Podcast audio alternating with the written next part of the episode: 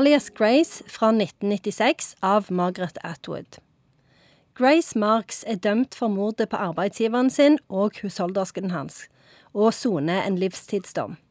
Hun oppfører seg som en mønsterfange, og folk begynner å lure på om hun virkelig kan ha begått mordene.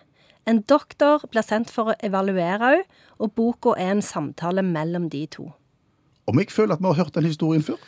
Litt grann. Dette føltes jo egentlig som en del filmer jeg har sett eh, om folk som er uskyldig dømt, og så er det jo veldig populært eh, akkurat nå på Netflix og alt med sånn true crime-greier. sant? Eh, har du gjort det, har du ikke gjort det, vi skal løse opp denne saken. Jeg følte jo jeg var litt sånn Orange is the new black, der ei dame sitter i fengsel. Men hun er ikke grei, forresten. Men, Nei. men ellers er det sånn. Ja, for hun her er veldig grei.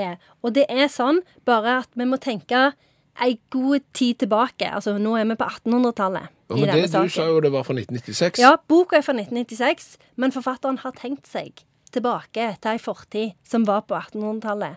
Og da var det ei som faktisk levde, som heter Grace Marks, så kanskje, kanskje ikke begikk to mord. Og det er det eh, Margaret Atwood utforsker. Hvordan, hvordan ser det ut inni hodet til Grace Marks? Gjorde det, eller gjorde det ikke?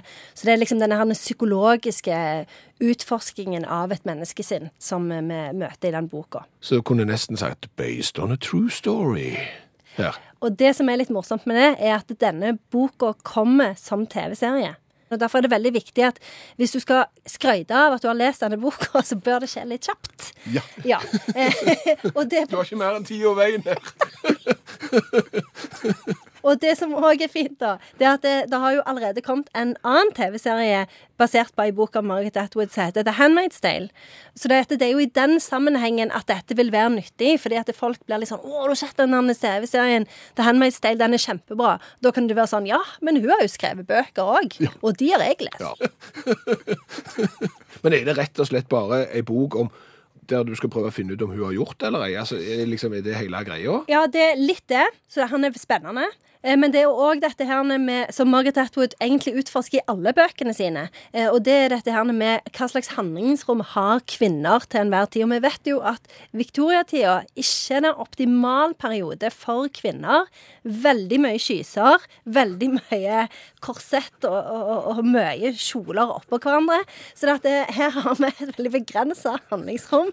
Hva gjør det med menneskesinnet? Ja, og hvor står egentlig kysa i dag? Nei, det er jo gått veldig vekk. Ja, det, har står- gått veldig vekk ja, fra det står skysa. veldig svakt i 2017, Ja. eh, kysing. Ja, det er ja. lite skysing.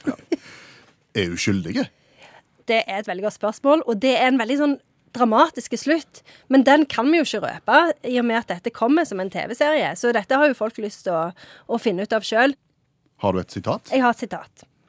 Eh, Når du er midt i en fortelling, er det ikke en fortelling i det hele tatt, bare forvirring.